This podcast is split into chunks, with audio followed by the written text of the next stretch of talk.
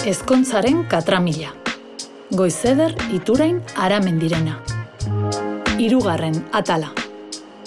Itxasok, ilea apaindegiko bisitan ezkontzaren ideiarekin topo egin du.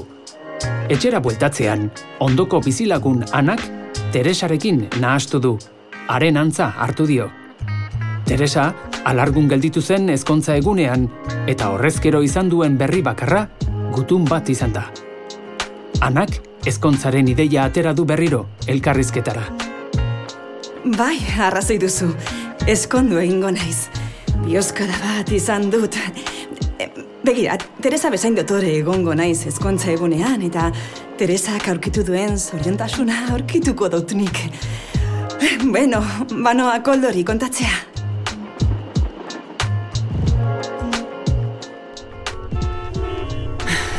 Mugi zaitezte! Eta aldameneko kotxeko txotxolo hori kantatzen lasai asko. Kantatu zaik, bai, kantatu zak! Bingo! Batzuk zeregina dugula.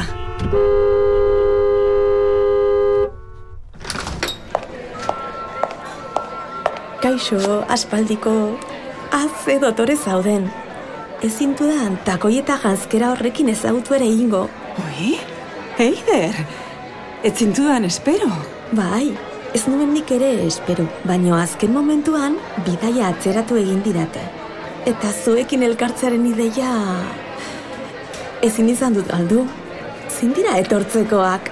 Ba, printzipioz, zuzinen, kalegin behar zuen bakarra. Aitzi berda, ez datorrela. Umea gaixo omen du. Gure itziber, umea zaintzen. Nork esango luke. Papa, atera idazu txuri bat, mesedez. Barkatu neskak, umeak amonaren etxera eraman behar nituen. Eta kotxea aparkatzeko, ez dakit zenbat buelta eman behar izan ditudan. Oh, iritsi ezin, betiko moduan. Baina, hemen nago. Ni ere larri ibili naiz iristeko izugarrizko trafikoa zegoen. Beno, haindik eh, Maria eta Nerea falta zaizkigu, ez da? Beno, zer nahi duzu hartu? Guk txuri bana eskatu dugu. Ba, ez dakit. Maranito bat, aspaldiko partez. Mariak ez aldizu daitu? Atzo arratsaldean ikusi nituen biak. Mariak gau arratsaldean umearen kontzertua omen du. Eta nerea lanpetuta omen dabil. Maneri ez didate zer esan. Abisatu didan bakarra itziber izan da. Eta azken unean. Eta Mariak ezin zuen aitzakia oberi jarri. Arratzaldean kontzertura juteko beta izango zuen. Joi, paskaltzeko, gehatu gara, ez merindatzeko. Eta nerea, bueno, en fin, nerea. Ederra erretolika, neska. Irurok gara orduan. Ba, primeran, el trio la la la. Bai, egia, alaginen lehen ere. Lagunen artean, irekienak, ausartenak. Munduaren, beste ikuspegi bat genuen. Ez dakit hori zen, baina gogoko genuena egiten genuen. Ederki, pasatzen genuen garai hartan bai. Baita, orain ere ez da? Gainera, zuek gaztetako pentsaera jarraitu duzue. Nik, ordea, gizarteak jarritako bideari segitu diot. Peiorekin ezkondu nintzen. Nok esan behar zuen ni ezkonduko nintzenik? Bi ume izan ditut. Ama, izeko, amama, etxeko emakumeen ibilbide bera jarraitu dut. Eta, e, pozik zaude? Ba, pentsatzen jartzen ba naiz. Bai, pozik bizi naiz. Baina batzuetan, zuen askatasun eta denboraz pentsatzean, inbidiak urtzen nau. Inbidia, nire bizitzak. Ez dakizuzuk ondo. Egun osoa ofizina santu horretan eserita. Ordenagailu pantailaren aurrian. Askatasuna, denbora. Zer? Beste erronda bat eskatuko dugu? Nola ez ba?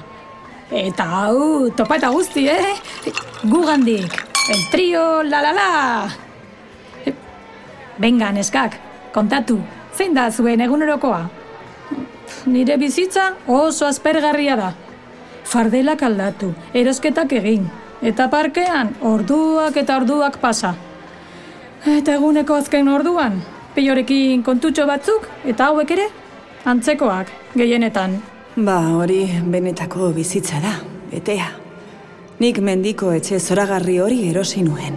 Baratza ekologikoa izateko, aire librean irakurtzeko.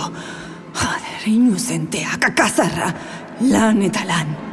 Eta zu ze, Eider, zertan zabiltza? Ba, argazkilari lanarekin jarraitzen dut. Duela urte bat, argitaletxe berri bat entzat hasi nintzen lanean.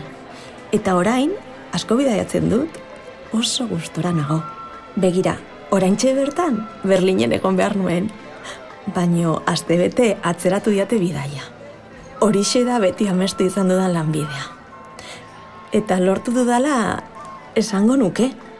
Zuk bai, lortu duzu ez da? Hoize zen nik nahi nuena. Horretarako ikasi nituen hainbeste hizkuntza eta bain begira. Mendi puntan galdua, baratzeko azalorekin hitz egiten. Falta zaidana, ezkontzea da bai, ezkontzea. Betiko moduan orduan, loretik lorera ez da ider? Horretan behintzat ni irabazle.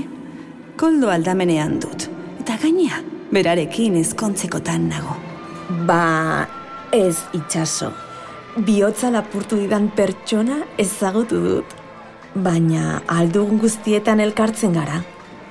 Egonkortasuna behar nuen? Ze esaten ari zara? Gure Eider maite minduta?